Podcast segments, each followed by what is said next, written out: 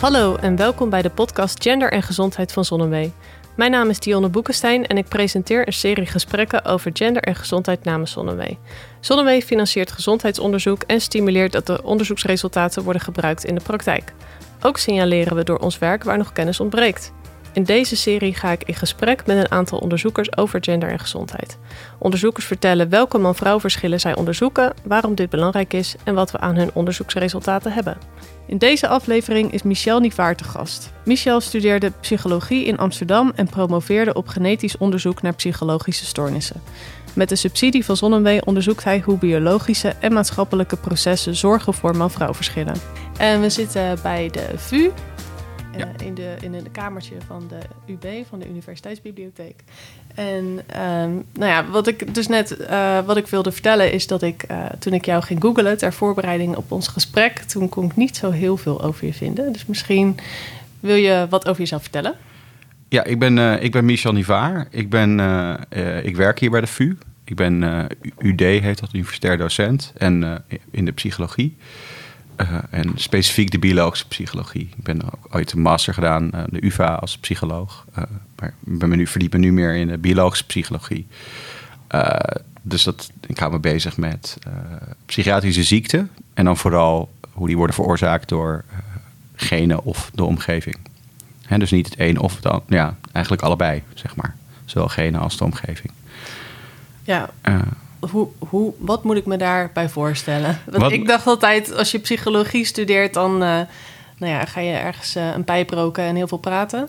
Nou, dat doen we ook. Uh, roken niet meer zoveel natuurlijk. Maar nou kijk, als, als je begint aan psychologie, dan ik zelf had misschien ook wel dat beeld hè, dat je dan klinisch psycholoog wordt. Dus dat je dan in een kliniek werkt of misschien niet helemaal in een klinische setting, maar wel mensen direct helpt met depressie, angst, psychologische problemen.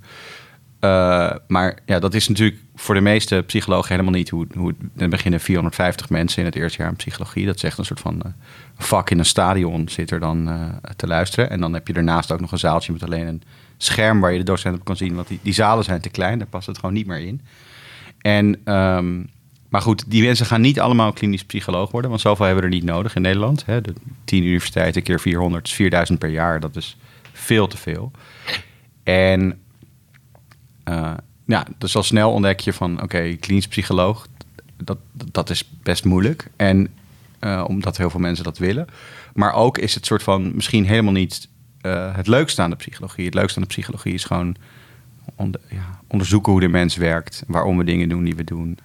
En dat is eigenlijk voor de meeste psychologen die, die in het onderzoek ingaan, onderliggend aan, aan wat ze misschien eh, precies doen, is ja, de interesse is waarom doen mensen wat ze doen? Uh, in, in goede zin. In, waarom, waarom, kunnen mensen een gezonde relatie aangaan en daar heel lang in blijven? Maar ook waarom uh, verwonden mensen zichzelf als ze in psychische nood zijn?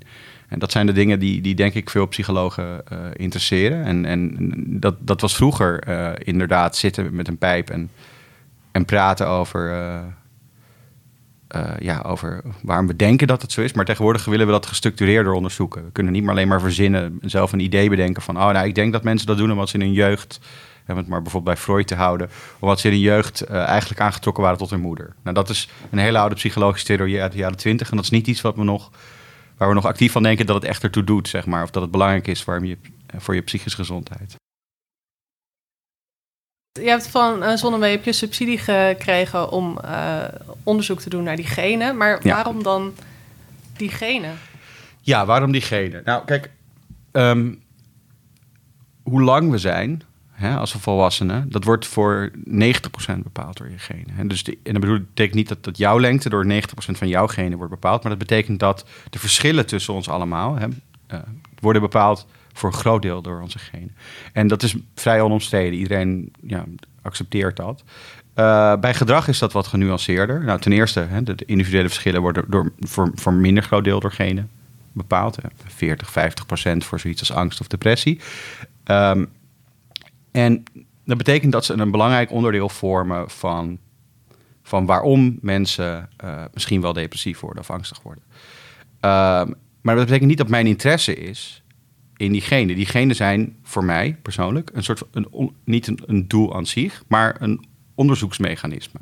Want als ik weet welke genen er bijvoorbeeld angst veroorzaken, en ik vind erna uit dat diezelfde genen ook samenhangen met eh, gewichtsverlies, dan, dan kan ik iets onderzoeken over de relatie tussen angst en gewichtsverlies. Een heel praktisch voorbeeld hiervan is het volgende. Eh, er is een gen, nicotine receptor gen, dat, dat is een receptor op de celwand in de hersenen, eh, op een celwand in de hersenen. En variatie in dat gen heeft een enorme invloed op, op hoeveel je rookt, als je rookt. Want nicotine zit in sigaretten, dat maakt je gevoeliger voor nicotine. Nou, als wij dan vervolgens genetisch onderzoek doen naar zoiets als eh, longkanker, is even helemaal geen psychiatrische ziekte, maar een goed voorbeeld, dan vinden we dat de sterkste genetische determinant van of je longkanker krijgt, zit in het nicotine receptor gen. Niet omdat het gen iets met de cellen doet waardoor je longkanker krijgt, maar omdat je door dat gen meer kans hebt om te gaan roken. Nou, dat zijn natuurlijk hele duidelijke, ja, al bestaande kennis is dat. We weten al dat roken eh, longkanker veroorzaakt. Maar dit is een goed voorbeeld van hoe we dat gen zouden kunnen gebruiken om uit te vinden: oké, wat wordt er allemaal veroorzaakt door roken? Want als dat gen zorgt dat je meer gaat roken, en dat gen hangt vervolgens ook samen met COPD of samen met astma, dan is dat een aanwijzing dat roken die ziektes veroorzaakt.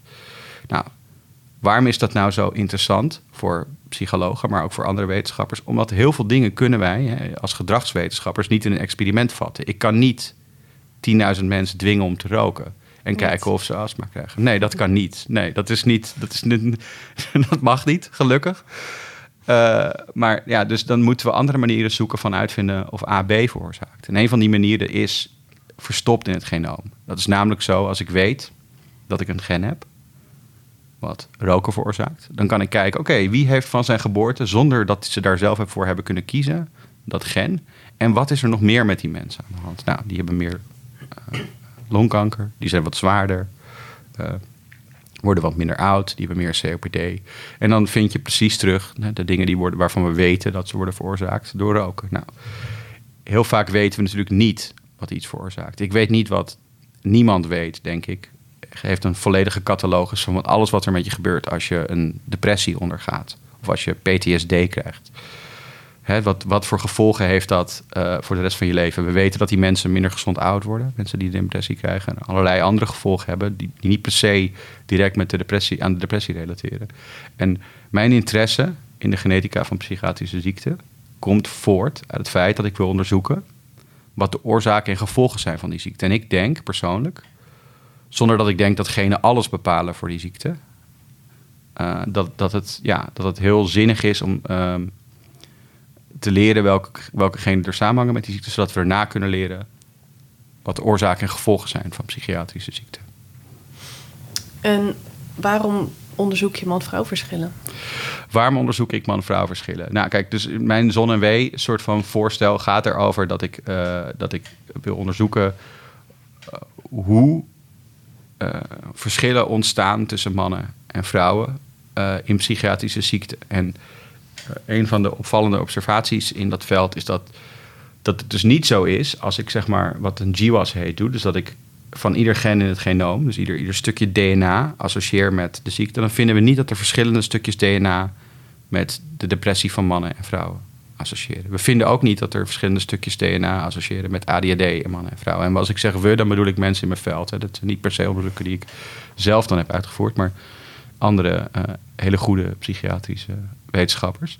En dat is opvallend, want het is wel zo dat veel meer mannen uh, met ADHD worden gediagnosticeerd en veel meer vrouwen uh, met angst. Terwijl daar in hun genen dus niet direct... Nee, niet direct een verschil. Dus, dus mijn zonneweefvoorstel gaat dan één stapje verder. Van oké, okay, dus die genen zijn hetzelfde. Nou oké, okay, dat, is, dat is interessant. Misschien dan kan het betekenen dat we dus qua so omgeving en sociologie anders denken over. Hè? Dus het herkennen van de symptomen in mannen of in vrouwen gaat misschien wel anders. Omdat we uh, misschien een rol hebben in de samenleving of dat er percepties bestaan over mannen en vrouwen die, die ertoe leiden dat je de ene stoornis sneller vaststelt dan de andere. Maar één stapje verder dan het, dan het vaste genoom is kijken hoe die genen in de hersens en op andere plekken in het lichaam tot expressie komen. Want een gen bestaat gewoon als een stukje DNA, Maar om iets te doen, moet het worden afgelezen door de, eh, door de onderdelen van je cel en, en, en dan iets doen. Dus wat ik precies onderzoek, is die tweede stap. Oké, dus die, die DNA, dat DNA, dat is niet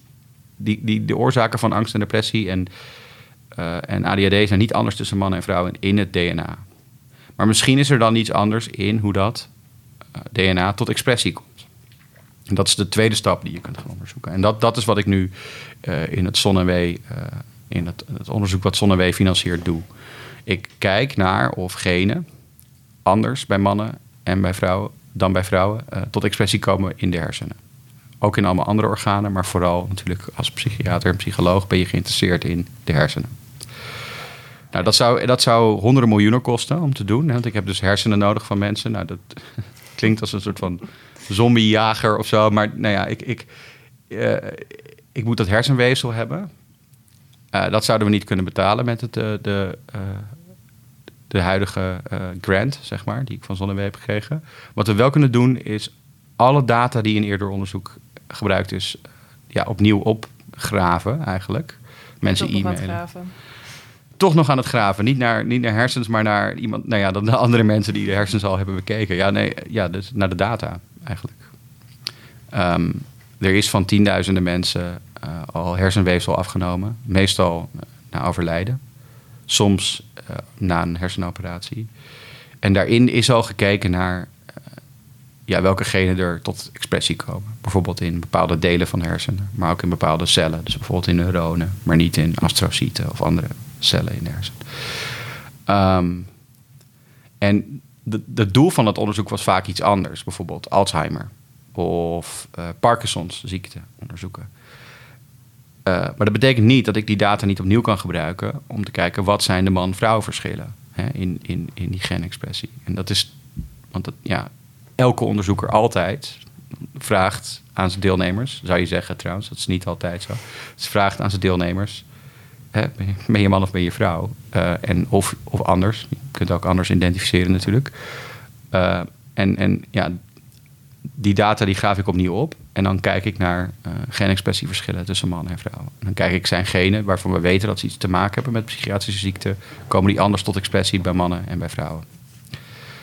Nou, dat is niet alleen belangrijk voor mij om te weten, omdat ik per se denk dat daar de verschillen zitten. Misschien zitten ze daar wel niet. Maar als we uitsluiten dat ze daar niet zitten, dan kun je, ben je nog een stap dichterbij misschien wel zeggen van, nou, misschien is het dan onze perceptie van mannen en vrouwen in de maatschappij. Hè? En zolang je niet op elk niveau kijkt en uitsluit en bekijkt of daar, de oorzaak, daar verschillen bestaan tussen mannen en vrouwen die relevant zijn voor psychiatrische ziekte, kun je niet komen tot een soort van objectief oordeel over wat er aan de hand is. Waarom, waar die verschillen vandaan komen. Zijn die verschillen wel echt? Komt het omdat we mannen sneller met ADHD diagnosticeren, omdat we uh, in de maatschappij uh, you know, meer agressie vertonen, ik noem maar wat. Um, en dus dat, dat is mijn interesse. Mijn interesse komt eigenlijk vooral voort uit psychiatrie en de psychologie zelf. En, en de genen zijn gewoon een middel om iets meer te weten te komen over die psychiatrische ziekte. Ja, um, hoe ver ben je met je onderzoek? Hoe gaat het? Ja, um, ik ben zoals altijd in de wetenschap minder ver dan ik zou hopen, maar ver genoeg. Um, de, de, de, ik, ik kijk, ja, we moeten de, de genexpressie hebben uit de hersenen en andere organen van duizenden mannen en vrouwen om goed te kijken. Het, zijn, er zijn, het gaat om subtiele verschillen soms. Het zijn niet hele bedoel, mannen en vrouwen zijn verschillend, maar niet ja, we zijn allemaal mensen. We zijn allemaal vrijwel uh, hetzelfde. We hebben allemaal dezelfde organen. Nou, niet alle organen hetzelfde, maar de meeste organen. Um, en uh, ja, wat, wat, waar we nu mee begonnen zijn, is het downloaden van duizenden datasets. Hè? Dus dan, dan, dan hebben we het over voor duizenden personen alle genexpressie uh, van alle genen. Um, dus dat kun je je voorstellen. Nou, er zijn 25.000 genen dus voor iedere persoon hebben we 25.000 nummers van, van hoeveel er van dat gen gevonden zijn. In bijvoorbeeld je bloed of je hersenen. En daar hebben we nu, ik denk 25.000, voor 25.000 mensen data van gedownload. Um, dat ga je allemaal met de hand zitten, of tenminste één voor één door zitten lezen? Nee, nee, Dat schrijven, we schrijven software die dat doet. We schrijven software die die data vindt, die het downloadt, die controleert of het goed is. Die, die eh, dat is nogal een, ja, bijna archeologie. Dat is een beetje digitale archeologie, zullen we maar zeggen. Want sommige data is al verzameld in 2004. Nou, misschien bestaat de maker van die chip waarmee genexpressie toen gemeten werd, of van die bepaalde fabrikant, misschien bestaat die helemaal niet meer. Dus dan moeten we de software die specifiek is voor die fabrikant, moeten we ergens uh, van een hele oude website vinden of een hele obscure Chinese website. Dat je denkt, ja, wil ik dit wel downloaden? Weet je, dat echt dat soort uh, dingen. Maar dat, dat, moet, want anders kunnen we niet bij die, bij die data. Uh, en nou, dan, dan moeten we ook nog eens software vinden om die data schoon te maken. Hè? Want als je geen expressie meet, dan zijn het zijn uh, menselijke weefsels. Er kan allerlei vervuiling in zitten. Er kan, uh, het kan te lang. Waar moet ik dan aan denken? Nou, bijvoorbeeld als iemand, uh, iemand te lang overleden is, dan wordt de kwaliteit slechter. En het is niet zo dat die mensen, hè, de, veel Amerikaanse overheidsfinanciers van wetenschap dwingen, verplichten mensen om hun data te delen. En dat is, vind ik ontzettend goed. En dat doen ze echt al sinds uh, 2000. Uh, ja, dat vind ik heel goed, want ik heb er heel veel aan, aan die data. Dus nu kan het worden herbruikt. Um, en dat, dat, gebeurt echt al sinds 2003 of zo. Maar dat is natuurlijk wel het laatste wat mensen bij een project doen. Want dan hebben ze een leuk onderzoek af en ik oh ja, ik moet het nog even delen. Dus dat zetten ze online. Dan, zetten ze er niet altijd bij hoe lang geleden zo'n persoon overleden is. En... Uh, ze zetten er ook niet altijd bij of die persoon man of vrouw was. Of hoe oud die persoon was. En welke ziekte die had. Nou, er zijn allerlei dingen die we moeten achterhalen. Sommige dingen kun je uit de data achterhalen. Ik bedoel, als iemand een vrouw of een man is, dat kun je uit het X en het Y-chromosoom afleiden. Dus dat kunnen we nog wel terughalen. Um, hoe oud iemand is, kunnen we al moeilijker terughalen. Maar hoe lang geleden iemand overleden is, kunnen we wel terughalen. Maar bepaalde genen reageren heel sterk, heel snel na het overlijden. Dus die, daar kunnen we dan misschien zien hoe lang geleden iemand overleden is. Nou, dat moeten we allemaal uitzoeken en corrigeren. Want uh, als het, iemand overlijdt, dan gaat het weefsel heel snel vervallen. En dus de genexpressie verandert. Dus ik wil kijken naar man-vrouw verschillen. En er is in sommige studies gewoon een veel langere uh, tijd tussen overlijden en dat ze, dat ze het weefsel hebben uh, weggehaald. Ja, en in die studie zitten alleen maar vrouwen. Dan vind ik verschillen. Maar die hebben dan niks te maken met man-vrouw verschillen. Maar die hangen dan aan iets anders. Dus dus dat is het soort van werk wat we nu doen. We hebben nu 25.000, uh, eh, voor 25.000 personen genexpressie. Helemaal schoon en uh, klaar voor gebruik. Maar dat is nog lang niet alles. Moeten er nog uh, 70, 80.000. Waarom zoveel? Oké, okay, um, om verschillende redenen. Um, om, omdat we het kunnen. En omdat ik, hoewel er eh, enorm sterke verschillen zullen zijn in sommige genen, hè, dus bijvoorbeeld genen die met hormonale processen samenhangen, uh, zullen er in andere genen hele subtiele verschillen bestaan tussen man en vrouw. Nou, als je een sub subtiel verschil wil vinden, dan heb je veel, dat heet, dat noemen ze in het Engels statistical power nodig. Je moet heel veel samples hebben voor je met hoge zekerheid kunt zeggen: oké, dit verschil is niet toeval, dit is echt. Dan is het ook nog eens zo dat omdat dit soort weefsel na overlijden wordt uh, weggehaald. En dat nadat hebben mensen hebben besloten mee te doen aan een onderzoek. Dat de meeste mensen die meedoen aan zo'n onderzoek hebben een ernstige ziekte. Of zijn over het algemeen oud. Nou, ik wil natuurlijk ook weten hoe genexpressieverschillen zijn tussen mensen, tussen mannen en vrouwen. Uh, op jongere leeftijd. Want psychiatrische ziektes, ja, die beginnen meestal gewoon einde van de puberteit. Nou, dus in al die, die zeg straks 70, 80.000 samples zitten maar een aantal honderd mensen van onder de 30. Want ja, uh, ten eerste is jong overlijden is zeldzaam, gelukkig. Maar ten tweede, als je jong overlijdt, komt dat vaak ook in dit soort studies door, door bijvoorbeeld een spierziekte. Of door, ja, door een ziekte die misschien wel uh, roet in het eten gooit, wat betreft mijn onderzoek. Dus we proberen echt zoveel mogelijk binnen te halen om zo'n compleet mogelijk beeld te krijgen van ja, de, de, gewoon de basale menselijke conditie. Wat, hoe zijn de hersens van ja, zo'n groot mogelijke doorsnee van de bevolking? Omdat dat niet alleen voor ons onderzoek, maar voor heel veel ander onderzoek informatief kan zijn. Kun je, kun je een voorbeeld geven van wat voor soort resultaten je uit dit soort onderzoek zou kunnen halen? Wat je daar dan aan hebt? Ja, ik kan een voorbeeld geven. Kijk, er zijn, er zijn natuurlijk soort van als we het genoom, wat ik net al vertelde, als we het genoom onderzoeken, dan is ons doel niet om te zeggen, ah, gen A, dat heeft echt iets met roken te maken. Of gen B, dat is echt heel belangrijk voor alcoholisme, laten we dat nu veranderen. Er zijn mensen die er zo over denken, maar ik denk dat dat heel naïef is. Uh, zo is het bijvoorbeeld zo dat er zijn uh, man-vrouw verschillen in hoeveel we drinken, uh, alcohol drinken, en hoeveel, hoe vaak dat tot problemen leidt. Dus hoe vaak je dan misschien alcoholisme ontwikkelt. Het is natuurlijk heel moeilijk om precies te bedenken wat alcoholisme is. Misschien zijn de standaarden wel anders voor mannen en vrouwen. Nou, als wij een genetisch onderzoek doen naar alcoholisme, dus dat we van ieder gen bepalen, een stukje DNA bepalen, hangt dit stukje samen met of je meer drinkt of niet. Dan vinden we dingen als het alcoholdehydrogenase gen. Dat is gen. Wat voor gen? Ja, precies. Nou, moet ik het nog een keer alcohol. Het alcoholdehydrogenase gen, dat, dat breekt zeg maar alcohol af in je, in je lichaam. En nou ja, daar, daar, daar, er zijn varianten daarin um, die, ja, die je gevoeliger maken voor drinken. Uh, nou, dat is bij mannen en bij vrouwen zo. Dat zijn gewoon echt hè, biologische waarheden die gewoon niks te maken hebben met of je man en vrouw. Die, die, dat is gewoon altijd zo. Maar er zijn ook subtiele andere verschillen. Hè? Dus een andere rol die we in de maatschappij hebben. Uh, en nou, al die dingen kunnen ertoe leiden dat niet dezelfde genen met uh, drinken samenhangen in mannen als met bijvoorbeeld met vrouwen. Een heel goed voorbeeld van, van hoe maatschappelijke processen invloed kunnen hebben op genetische vindingen is de volgende. Uh, er is een hele sterke genetische negatieve correlatie tussen roken en je opleidingsniveau. Nou, dat is niet alleen een genetische correlatie. Die correlatie is er ook gewoon in, in, in, de geobserveerde data. Mensen met een lager opleidingsniveau roken meer. Dus als je dan een genetisch onderzoek doet naar opleidingsniveau en je doet een genetisch onderzoek naar uh, roken en je gaat kijken of dezelfde genen daarin voorkomen, ja, dan vind je dezelfde genen. Waarom? Mensen van een lager opleidingsniveau roken meer. Dus degenen die iets te maken hebben met je opleidingsniveau, die krijgen dan ook iets te maken met roken. Dan heeft een Amerikaanse socioloog, Robbie Wido, die heeft in hele oude data uit de jaren 50 genetisch onderzoek gedaan. En dan zie je dat er geen genetische correlatie is tussen roken en je opleidingsniveau. Waarom? Nou, in de jaren 50 rookte iedereen. En dat was omdat hè, hoog opgeleid, laag opgeleid, man, vrouw, iedereen rookte. Want er was helemaal niemand die je vertelde. Er was geen informatie in de wereld over dat roken slecht voor je was. Of zeer beperkte informatie.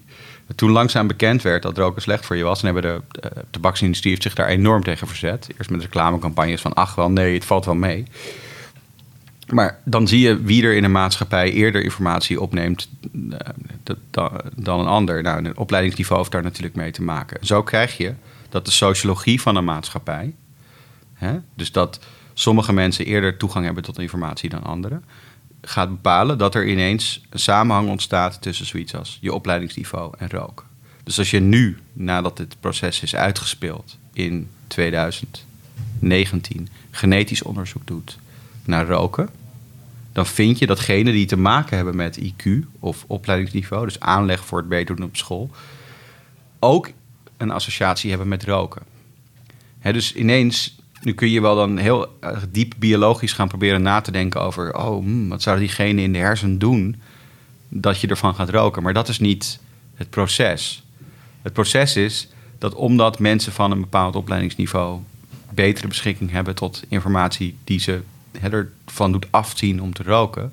Dat is waarom dat gen samenhangt met roken. Niet omdat het zorgt dat je de nicotine lekkerder vindt of zo. Diegenen zijn er ook. Hè. Het, is niet, het is niet het een of het ander. Het is niet alleen maar sociologie en geen biologie. Dat zou ook een rare manier zijn om naar het genoom te kijken.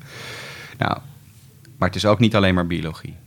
En dat interessante is, dus, dus als je dan kijkt naar man-vrouw verschillen, is dat, nou, er is enorme, de, enorme debatten over, is dat biologie of is dat sociologie? Nou, dat genetiek, het feit dat het bijvoorbeeld genetisch is, hè, dus dat bijvoorbeeld voor alcoholisme de genetische correlatie, dus de mate waarin de genen voor uh, alcoholisme in mannen en vrouwen hetzelfde uh, is zijn, die is niet één. Hè? Dus het is niet, is niet zo dat dezelfde genen, precies dezelfde genen in mannen en in vrouwen uh, tot alcoholisme leidt. Maar ja, dan wordt de vraag, hoe kunnen we uit elkaar gaan puzzelen? Is dat biologie of is dat sociologie? is, is, ja. dat, is, dat is ja, dat is waar ik me nu mee bezig hou. Ik ben nu met een groep in uh, Engeland en een groep in Amerika. Zijn wij van twee of drieduizend uh, gemeten fenotypes. En dan hebben we het echt over uh, de, de mineral density van je, van je heupbeen tot en met eh, eh, hoeveel kinderen je hebt, tot en met hoeveel seksuele partners je hebt gehad in je leven. Misschien is het goed om even uit te leggen wat fenotype en genotype zijn. Ja, wat fenotype. Ja, goed punt het gesprek. Zo een beetje middenin uitleggen wat, wat ik eigenlijk. Ja. Fenotype, fenotype, alles wat wij meten aan de mens noemen genetici fenotype. Dat is bijna, bijna een beetje autistisch trekje van ons. Dat we een gekke, gekke naam daarvoor bedacht hebben, maar dat noemen we fenotype. Namelijk dat is observeerbaar aan de mens. en dat komt door het samenspel van genen en omgeving. En dat creëert een fenotype. Bijvoorbeeld je BMI, dat is voor ons een fenotype. Of uh, hoeveel kinderen je hebt, dat is voor ons een fenotype. Dat is iets wat we meten aan de proefpersoon. Terwijl het genotype, dat, is, ja, dat zijn echt soort van de letters van je genoom. Hè? Dus uh, dat, is, dat is vastliggend in jou en dat, dat, is, dat tellen we als enige eigenlijk niet mee als uitkomst, maar als soort van oorzaak.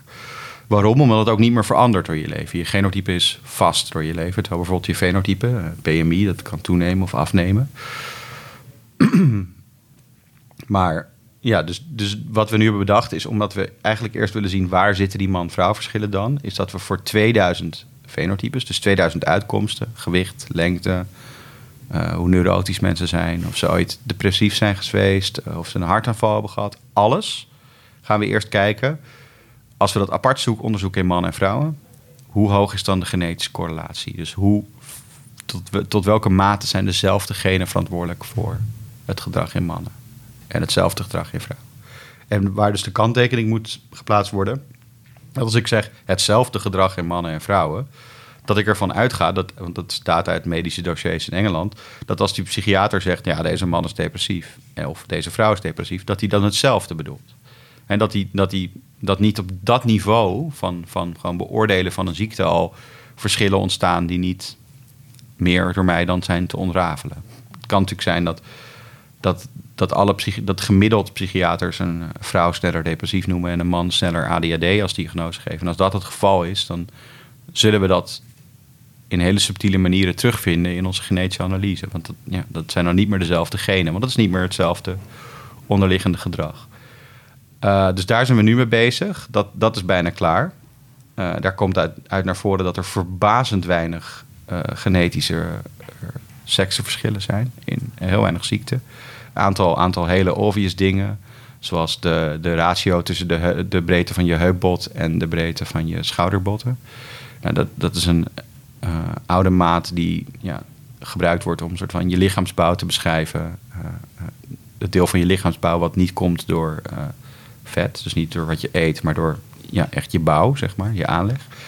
Nou, vrouwen krijgen kinderen, mannen niet. Dus er zijn wat andere hè, dingen, die, andere genetische processen die de breedte van je heupbot reguleren. Maar bij ons hoeft er geen kind tussendoor, dus dat, dat scheelt enorm. Uh, en dus zijn er allemaal genen die daar niets mee te maken hebben voor mannen. Uh, nee, dus, maar ja, tot nu toe vinden we verbazend weinig verschillen. Ze zijn er wel. Voor alcoholisme is er verschil. Voor, uh, wat is het verschil bij alcoholisme? Nou, dat, dat zijn, wat we tot nu toe hebben kunnen vaststellen... is dat het dus niet dezelfde genen zijn. En ons vervolg is dan om te gaan onderzoeken... oké, maar wat correleert er dan allemaal met alcoholisme in vrouwen... en wat in mannen? En wat is daar dan het verschil? He, dus, dus misschien zijn er andere oorzaken. Misschien is het zo, ik, ik noem nu maar een voorbeeld... dat... Uh, dat of je, dat of je sport wel of niet uh, uitmaakt voor, voor drinken bij vrouwen en niet bij mannen. En het is niet iets wat we vinden, maar het is gewoon een voorbeeld. Want dat is de volgende stap. We weten straks van 2000 dingen, is er een seksenverschil? En als we die seksenverschillen hebben gevonden, dan gaan we onderzoek doen naar hoe komt dat? Is dat meer sociologisch of meer biologisch? Kijk, als het biologisch is, dan verwacht je iets als het nicotine-receptorgen in mannen doet niks voor roken. Maar in vrouwen doet het wel wat. Dus dan vind je, dan vind je op een hele lokale plek een goed, duidelijk uitlegbaar biologisch proces. Hè? Dus echt het soort van, oh, dit molecuul gaat aan en dan gaat er iets in je hersens anders en dan reageer je anders op uh, nicotine. Nou, als je dat niet vindt, maar je vindt hele subtiele verschillen over duizenden plekjes in het genoom, ja, dat is dan een aanwijzing dat er misschien iets sociologisch aan de gang is. Dat er een veel ingewikkelder, indirecter proces uh, tot die man-vrouw verschillen leidt. Ik heb ook wel eens verteld dat uh, degene die uh, eh, 30 jaar geleden een relatie hadden met depressie, nu anders, of dat dat nu andere genen zijn dan dus 30 jaar geleden. Dat er nu. Ja. Kan, kan je dat nog. Uh...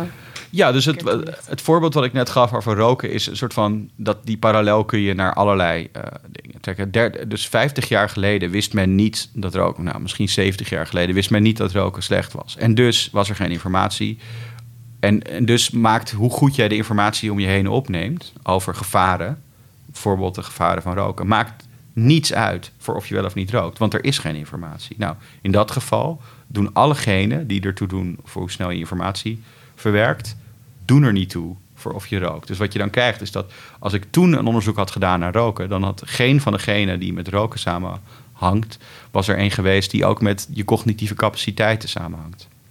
Hetzelfde kan natuurlijk gelden voor uh, depressie. Dus de, de, de, stress waar we onder staan is anders nu dan 70 jaar geleden. Hè. De, de, de arbeidsrelaties die we hebben met ons werkgever is anders. Vroeger, 70 jaar geleden, was men veel vaker in loondienst. Dan waren er uh, veel, veel meer vaste contracten dan nu. Als je nog verder teruggaat, was je een soort van lijfeigene. Dus als we 200, 300 jaar teruggaan, dan, dan had je helemaal geen arbeidsrelatie. Dan had je gewoon geluk als je betaald werd of überhaupt werk had. Uh, en dus zijn de, zijn de stress in het dagelijks leven. Misschien had je duizend jaar geleden wel gewoon echt honger. Hè? Uh, die zijn anders geworden. En dus zijn er ook andere processen betrokken bij of we wel of niet depressief worden. En net bij dat voorbeeld van roken en opleidingsniveau krijg je dan dat er ook andere genetische uh, dingen, of, oorzaken van depressie ontstaan. en, en dat verandert omdat het fenotype zelf, depressie, de uitkomst, verandert eigenlijk. Hè? Als, we, als je depressief wordt door, door honger, is misschien wel heel anders dan dat je depressief wordt door, door de werkstress waar we nu onder staan. Dus het is niet gezegd dat genetische invloeden permanent zijn. Sommige dingen zijn, sommige genetische invloeden zijn permanent. Het nicotine-receptorgen, als jij daar een bepaalde afwijking hebt, dan ga je meer roken. Dat is niet, dat is niet onderhevig aan of de maatschappij een beetje verandert. Of dat je misschien leeft in een maatschappij waar sigaretten wat duurder zijn ja, dan, dan zul je misschien gemiddeld nog steeds wat minder roken. Maar je aanleg is er gewoon. En dat is onomstreden. Al die andere genetische invloeden, die hele kleine genetische invloeden, waar er ook duizenden van zijn, die veel kleiner zijn dan die grote overtuigende effecten, die zijn heel erg onderhevig aan hoe de maatschappij verandert. Die weerspiegelen zelfs gewoon puur de maatschappij. Er is genetisch het hele debat gen, omgeving, wat veroorzaakt jouw gedrag, dat is een soort van gepasseerd station. Dat is niet hoe het werkt. Uh, denk ik. Maar goed, dat zullen misschien sommige collega's niet met me eens zijn. Maar... Ik weet niet of je, of je wel eens eerder iets met man-vrouw... Wat, wat was voor jou de motivatie om daar überhaupt naar te gaan kijken, naar man-vrouw verschil? De motivatie voor mij om te gaan kijken naar man-vrouw verschillen waren, waren, was de observatie van anderen in de genetica. Dat ze voor bijvoorbeeld ADHD, wat fenotypisch, dus, hè, dus in de kliniek een enorm verschil heeft tussen veel meer jongetjes krijgen de diagnose ADHD, de meisjes. En het feit dat we dan een genetisch onderzoek doen over het hele genoom voor ADHD bij jongetjes en apart bij meisjes of mannen en vrouwen trouwens ook. Ehm, en dat dan dezelfde genen daarmee te maken hebben. En wat betekent dat? Weet je, want ADHD is heel erfelijk. 70% van de individuele verschillen in ADHD zijn te wijten aan het genoom. Misschien is dat een beetje hoog ingeschat, dachten we toen. Misschien is het meer 50%. Maar het is nog steeds wel veel, 50%. Als die 50% niet verschilt tussen mannen en vrouwen, wat is er dan aan de hand? Is er dan iets aan de hand uh, dat die diagnoses uh, anders worden gesteld bij mannen en bij vrouwen? En toen dacht ik, ja, om daar te komen, moet ik van dat genoom nou, dat genoom kunnen we nu uitsluiten dat daar verschillen zitten. En in mijn onderzoek kijk ik dan de volgende stap. Die genen komen tot expressie in je hersens. Die gaan iets doen, die beïnvloeden processen. Die maken dat je niet stil kan zitten of wel, of dat soort dingen. Nou, kunnen we dan daar op dat niveau ook gaan uitsluiten dat er man-vrouw verschillen zijn?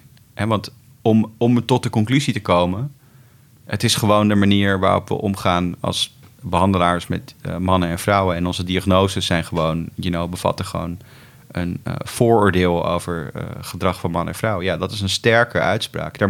Om daar te komen en dat hard te maken, moet je ook uitsluiten dat het dan niet toch biologische verschillen zijn die anders zijn dan, hè, dan het DNA wat vast ligt in het genoom, maar misschien hoe het DNA wordt afgelezen of hoe het DNA in de hersens werkt. Um, ik, ik heb nog geen conclusie bereikt natuurlijk. We zijn uh, net begonnen. En ik ben ook niet voor ingenomen dat ik denk het moet biologisch zijn. Of het moet de omgeving zijn. Ik denk alleen wel dat het veel ingewikkelder is dan we nu denken. Dus alleen zeggen, ADHD is erfelijk, het komt door je genen. Oh, nou dan is het biologisch. Dat is een hele naïeve manier om er naar te kijken. En dat zeg ik als iemand die de hele dag genen bestudeert. En die dat heel interessant vindt. En de biologie van gedrag ook heel interessant vindt. Die conclusie kunnen we nog niet bereiken. Dus mijn motivatie om die man-vrouw verschillen echt vanaf genetisch niveau helemaal naar gedragsniveau te gaan bekijken, is dat ik eigenlijk gewoon wil weten hoe dat zit. En, en ik denk ook dat dat heel belangrijk is. Ik, ik eh, heb zelf ADHD. En als je, als je dan een, uh, als je nu een diagnostische setting inloopt, dus je, wordt, die komt bij een psychiater en je wordt beoordeeld of je ADHD hebt of niet. En vragenlijstje invullen. Dan moet je, moet je je vrouw, als je volwassen bent, of je moeder. Altijd je moeder of je vrouw, nooit je vader. misschien wel je mannelijke partner als je natuurlijk niet heteroseksueel bent. Maar uh, ja, die, die, moet, die moet dan ook een vragenlijstje invullen. Want ze vertrouwen natuurlijk de patiënt zelf niet alleen. Zeker niet als het ADHD gaat. Uh, en, en ja, dan gaat zo'n man uh, je uitleggen hoe je medicijnen werken. En die komt dan met een biologisch verhaal. Nou, dit medicijn maakt dat dit, deze neurotransmitter wat meer gaat. En dat is natuurlijk heel belangrijk om in een gesprek met de patiënt tools te hebben om te zeggen: Oké, dit is er met jou aan de hand. En als je medicatie neemt, dan gaat het wat beter. maar pas op, hij werkt maar acht uur. En dan loopt hij weer terug je medicatie. Dan moet je op tijd nieuwe nemen, bijvoorbeeld voor je naar huis rijdt. Stap niet in de auto als hij net uitwerkt, want dat soort gesprekken voer je dan met je behandelaar. En in die gesprekken wordt een biologisch verhaal verteld over hoe ADHD werkt. En als psycholoog vind ik het heel fascinerend om daar dan zelf te zitten. Uh, en dan, dan denk ik dat het is belangrijk dat dat verhaal uh, zo dicht mogelijk bij de waarheid is. Of zo dicht mogelijk als we bij de waarheid kunnen komen. Omdat ja, hoe je je stoornis ziet, en hoe je, uh, hoe je ermee omgaat en hoe je die behandelt, dat, daarvoor maakt het uit of het komt door een vooroordeel bij de, bij de behandelaar of echte biologische vrouwen tussen man, verschillen tussen man en vrouw. Uh, en daar, dat is mijn motivatie om dit, ja, dit specifieke probleem te onderzoeken. Uh, ik denk dat het een goede motivatie is. Ik denk ook dat het, dat het heel nuttig kan zijn uh, voor ons begrip over ja, psychiatrische stoornissen niet alleen voor, voor behandelaren, maar ook voor patiënten. Ik bedoel, ik denk dat patiënten heel vaak zitten met vragen: oké, waarom, waarom heb ik dit? Uh, en, en het kan misschien hè, zeggen, ja, maar dat komt omdat het erfelijk is. Dat is, dat is ook maar een heel vaag antwoord. Het kan natuurlijk helpen om te denken: oh, het ligt niet aan mij. Hè, dit is niet mijn schuld. Nou, ten eerste is het nooit je schuld. Of het nou door je genen komt of door je omgeving. Bedoel, het is zelden je schuld, of eigenlijk gewoon nooit dat je, dat je iets overkomt in het leven. Dat is gewoon, dat is gewoon zo. Um, maar, maar daar, ja, daar, daar, dat zijn gewoon redenen om beter te willen begrijpen waar deze ziekten vandaan komen. En ik nam als gedragsgeneticus geen genoegen met zeggen: oh, het is erfelijk. Oh, dan is het biologisch. Uh, dus dat is mijn motivatie, denk ik. Waar ik ook nog wel benieuwd naar ben, is uh, in hoeverre die kennis die je nu opdoet en alles wat je, wat je weet over genen, in hoeverre beïnvloedt dat je persoonlijke leven? Je hebt nu wel wat verteld over nou ja, dat je zelf ADHD hebt. Um, maar nou ja, als je het vervelend vindt dat ik het vraag, dan hoef ik nee, antwoord te geven hoor. Maar uh, heeft het ook invloed op hoe je uh, naar je kind, straks kinderen kijkt? Uh, of hoe je, ja, hoe je daarmee in je opvoeding, omgaat? Dat dat is een interessante vraag. Hè? Dus hoe verder dat iets erfelijk is, eh, kan ik dan denken als ouder, nou ja, daar heb ik gewoon niks aan, daar kan ik niks aan doen. Ze zit nu, ze, ze bijt nu een ander kind op de basis, op de opvang. Dat is, dat is niet mijn schuld. Dat komt gewoon door die genen. Dat, dat zijn mijn genen. Maar ja, daar kan ik niks meer aan doen. Ik was mijn handen van dit probleem. uh, nou, kijk, dat is een van de, uh, eigenlijk een van de meest gedebatteerde onderwerpen in de genetica op dit moment. Want wat, wat is nou zo? Uh, ik draag dezelfde genen als mijn dochter. Dus als wij alleen in mijn dochter en, en allemaal meisjes van twee onderzoek doen naar hoe vaak ze andere kinderen bijten op de opvang. Hè? Heeft hij voor mij ook gedaan? Ja, dat doen ze allemaal. Maar je gaat een beetje afleren, denk ik. Ik weet het ook niet. Ik doe ook maar mijn best. Um, dan, dan, dan, dan kun je wel zeggen van... oh, hey, dit, gen, uh, dit gen hangt samen met bijten. Maar ja, ik draag dat gen ook. En als ik het niet draag, mijn vrouw wel. Dus komt het dan omdat het gen in mij iets doet? Of in mijn kind? En wat nu, wat nu blijkt... Dat is een heel interessant onderzoek. Ze hebben dus, je kunt genetische scores maken. Dus we doen eerst in een miljoen mensen, doen we een onderzoek bijvoorbeeld naar, uh, nou, laten we het voorbeeld ADHD noemen. Hè? Dus een miljoen mensen doe je onderzoek naar ADHD. Dan weet je van elk gen hoeveel meer kans je hebt op ADHD als je die variant van het gen draagt. Nou, dan kunnen we daarna voor andere mensen, van wie we het genotype weten, uitrekenen wat is jouw risico op ADHD. En nou, als we dat doen, dan hangt dat ook samen met of die mensen echt ADHD hebben of niet. Dus dat is echt voorspellend. Hartstikke mooi. Nou, wat hebben onderzoekers in IJsland en Engeland nou gedaan? Die hebben van kinderen en hun ouders het DNA. Dus allebei de ouders en het kind. En dan kun je natuurlijk het genoom van het kind nemen. Maar je kunt ook maken het broertje wat nooit geboren is. Want je kunt gewoon bij de ouder gaan kijken hey, dit gen heb je doorgegeven aan je kind, maar dit andere gen, want ieder gen heeft, is in een paar, komt in een paar, dus de andere van het paar heb je niet doorgegeven. En dan maak je soort van synthetisch, door gewoon te tellen welke genen heb je niet doorgegeven aan je kind, maak je een nepkind. Noem een, een pseudo, een pseudo-sibling noemen we dat. Een theoretisch nepkind. Kind bestaat niet, alleen het genoom kun je wel uh, bekijken. En dan, kijk je, dan hebben ze gekeken naar Hè? Dus naar het, die risicoscore in hun geval voor, voor education, dus van hoe goed je het op school gaat doen, wat natuurlijk ook veel met ADHD te maken heeft, maar dat terzijde. Dan maken ze dus die, die score voor dat kind voor hoe goed ga je het op school doen. En voor het pseudo-broertje of zusje. Nou, dat, dat pseudo-broertje wat niet bestaat, diegene horen natuurlijk geen invloed te hebben op de schooluitkomst van dat kind, toch? Het gaat door je eigen genoom. Nou, wat blijkt? Zowel dat genoom van het kind zelf als dat broertje wat niet bestaat, hebben invloed op de schooluitkomst van het kind. Dus het, het theoretische niet bestaande nepkind heeft invloed op het wel bestaande kind. Ja, raar. Maar ik zal uitleggen waarom.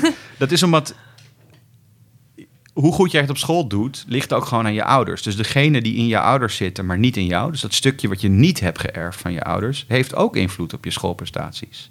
En dat is niet zo heel gek, want je ouders sturen je naar school. Mijn ouders zeiden altijd, als ik gespijbeld had, hè, dan kreeg je zo'n briefje. En dan was het, oh, ik hoop dat ze niet alle uren doorhebben. Maar dan, dan kregen mijn ouders een briefje. Nou, dan, dan zwaaide er wat. Ik ook wel stoer doen tegen mijn vriendjes, weet je. Van, nou nee, ze, ze vonden het helemaal niet erg of zo. Of ik heb het briefje weggemoffeld. Maar dat was niet zo. Ik moest gewoon nablijven. En na het nablijven mocht ik in het weekend ook nog gewoon bij mijn ouders in de winkel werken om het goed te maken. Dus dus, dus hoe je ouders omgaan met je. Dus, dus of je ouders school belangrijk vinden. En, uh, en of ze je kunnen helpen. En of ze je kunnen helpen met de vragen van de wiskundetoets. Dat doet ertoe. He, dus dat zit, in de, dat zit voor een deel in de, de erfelijkheid van hoe goed je het op school doet. Is ook iets breder dan jouzelf. Dat zijn ook degenen in je ouders. Dus ik weet niet meer waar deze vraag vandaan komt. Ik weet ook niet hoe ik, hier beland zijn. Nou, nou, ik ga gewoon helemaal mee in je verhaal. wat, wat ik vroeg is in hoeverre je jezelf uh, anders in, je, uh, in de opvoeding van je kinderen staat. Nou, dus, dus door dit soort dingen denk ik dat... dat, dat ik, heb, ik heb wel mensen in mijn veld gesproken. En dat is ook in die tijd was dat... Toen men ontdekte dat dingen als opleiding gewoon 70% erfelijk zijn. Die denken, ja, wat doet het er eigenlijk nog toe? Wat maakt het nog uit dat ik mijn kinderen wel of niet voorlees? Uh, nou, geluk, nou ja, gewoon omdat het leuk is misschien ook, weet je. Maar uh, voorlezen is best gezellig. maar, maar ja, het maakt wel degelijk uit. Want, want iets wat erfelijk is, is niet onveranderlijk. Dus ik, dus ik denk niet dat, mij, dat, dat de kennis die ik opdoe over het genoom... per se mij tot de conclusie heeft doen leiden... dat het niet uitmaakt wat ik doe voor mijn kind.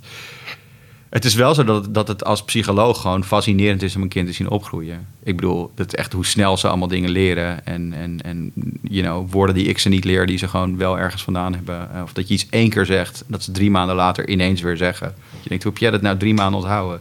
Je weet niet eens meer dat we gisteren naar de speeltuin waren, want je wil vandaag weer naar de speeltuin. Ja, je staat amper drie maanden, zeg maar. Right, ja. Dus, dus het beïnvloedt me misschien wel dat het me dat ik met iets meer fascinatie kijk. Hè. Zoals de jongen die hier de podcast opneemt, die, die hoort ook alle afwijkende geluidjes die wij maken, omdat het zijn taak is om daar heel goed op te letten. Nou, zo let ik heel goed op allerlei processen die, uh, uh, die, die, die met de ontwikkeling van kinderen te maken hebben uit een soort van beroepsinteresse. Maar niet omdat ik denk dat genen ja, een onveranderlijk effect hebben op mijn, mijn dochter waar ik niks meer aan kan doen. Uh, wat, wat je ook aan de telefoon vertelde uh, was. Uh, toen ik daar een beetje naar vroeg over die genen in depressie.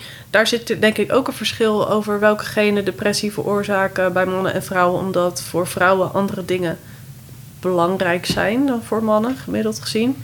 als je het hebt Ja. over eh, eh, eh, het ideaalbeeld, het lichaamsideaalbeeld of zo, wat nu dan wel een beetje verandert, maar Ja, Ehm, nou ja, dat, dat is zo. Ehm, stel je, ja, als er, als er lichaamsidealen voor mannen, schoonheidsidealen voor mannen en vrouwen anders liggen, dan zijn er andere mensen die voldoen aan die schoonheidsidealen. Hè? Dus als, stel je voor dat we. eh, je ziet dat er veel meer anorexia voorkomt bij vrouwen dan bij mannen. En dat, hoewel dat wel verandert, het aantal mannen met anorexia neemt eh, snel toe. Eh, maar maar zo'n schoonheidsideaal kan enorme stress opwekken voor mensen die daar niet aan voldoen. Dan krijg je subtiele samenhang tussen degene die bepalen hoe je er fysiek uitziet en degene eh, die bepalen of je depressief wordt. Hè, dus, dus als het schoonheidsideaal ertoe doet voor vrouwen en niet voor mannen, ja, dan krijg je datgene die met je eh, lichaamsbouw samenhangen ook samen gaan hangen met, eh, met of je depressief bent of niet. En ja, daar vind je inderdaad de, een weerspiegeling van de maatschappij in, in ons genetisch onderzoek. Ehm, en dat, dat geldt voor alle soorten stress. Ook, ook de, de taakverdeling tussen man en vrouw in het opvoeden van kinderen. En in eh, you know, hoe, hoe lang je, of, of dat je carrière wel of niet beïnvloedt. Eh, al, al die dingen weer, zijn weerspiegeld. De sociale processen zijn weerspiegeld in genetisch in de vindingen van genetisch onderzoek. Dus ik denk dat vaak, best vaak, genetisch onderzoek wordt geïnterpreteerd als bewijs voor het is biologie, je kunt er niks meer aan doen. De maatschappij moet gevormd worden naar die biologische verschillen. Terwijl het meestal zo is dat de biologische de, de maatschappelijke verschillen die er zijn, maken dat mannen en vrouwen om verschillende redenen depressief raken of om verschillende redenen stress ervaren. En dat ons genetisch invloed, de onderzoek, dat oppikt. Dus dat het zijn geen directe genetische invloeden die, die, waar we niks meer aan kunnen doen, waar we de maatschappij maar naar moeten vormen.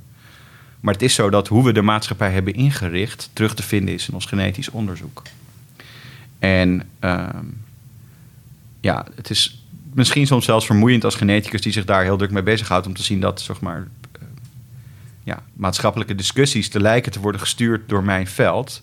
Maar, maar niet op de manier waarop wij zeg maar, zelf eh, denken dat, ons, dat genetica werkt. Dus, ja, maar ik eh, kan me ook voorstellen dat je denkt, nou, nu weet ik net hoe het zit en dan verandert de maatschappij en dan kan je opnieuw beginnen. Ja, dat is, dat, dat is de, de illusie van een genetisch antwoord op een ziekte. Wat, wat onveranderlijk is, dat is, dat, dat is wel voor sommige ziektes zo. Hè? Dus als je Huntington's disorder krijgt, dat is een heel snel progressieve eh, ontwikkelende spierziekte. Dat is gewoon één gen. Als dat stuk is, of als dat te lang is eigenlijk, maar de mechanica doet er niet zo toe, dan krijg je Huntington. Punt. Het is niet te voorkomen, nog niet. En het, je er overerft het ook naar je kinderen. Dus het is ook niet veranderbaar door de maatschappij of wat dan ook. Nou ja, hoewel als de maatschappij het genetisch oplost door, door jou te behandelen. Nee, maar eh, dat is anders dan zoiets als eh, depressie of stress of angst of schizofrenie zelfs. Dat zijn dingen die zijn gewoon, die bestaan alleen in de maatschappij. Die, die worden veroorzaakt door, voor depressie zijn nu 150 genen bekend. En we zijn nog lang niet klaar. We weten, we weten, we hebben ook kunnen berekenen dat die 150 verklaren zo weinig van de individuele verschillen. Dat we er echt tienduizenden, dus eigenlijk gewoon bijna de helft van het genoom heeft dat te maken met of je wel of niet depressief wordt. Niet allemaal evenveel, sommigen maar een heel klein beetje, maar ja, dat zijn dus niet meer van die dingen van, oh, nou dat is nou eenmaal zo. Oh, die man-vrouw verschillen liggen in je genoom, ja, daar kunnen we niks meer aan doen. Dat is een eh, illusie. Dus dat is, dat is wel interessant. Dat is een interessant sp- samenspel tussen genen en eh, de maatschappij. En het is vermoeiend dat je, steeds, dat je dus opnieuw zou moeten beginnen. Maar dat is, betekent ook dat je eh, heel veel kunt leren over maatschappelijke processen door genetisch onderzoek.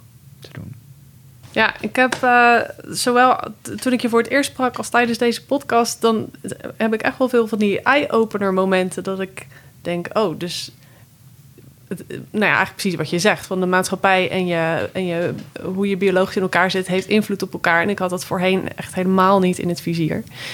Ehm, wat waarschijnlijk ook niet zo gek is. Dus ja, ik vond het heel leerzaam om eh, met je te praten. En ik ben heel benieuwd naar wanneer je onderzoek eindelijk is afgerond. Bijna bij het einde moeten we dit maar een keer opnieuw doen. Ja, Dan, eh, ik ben heel ja. benieuwd wat je daar, Ja. dan, eh, wat je daar dan uit, eh, wat daaruit naar voren komt. Dus eh dankjewel.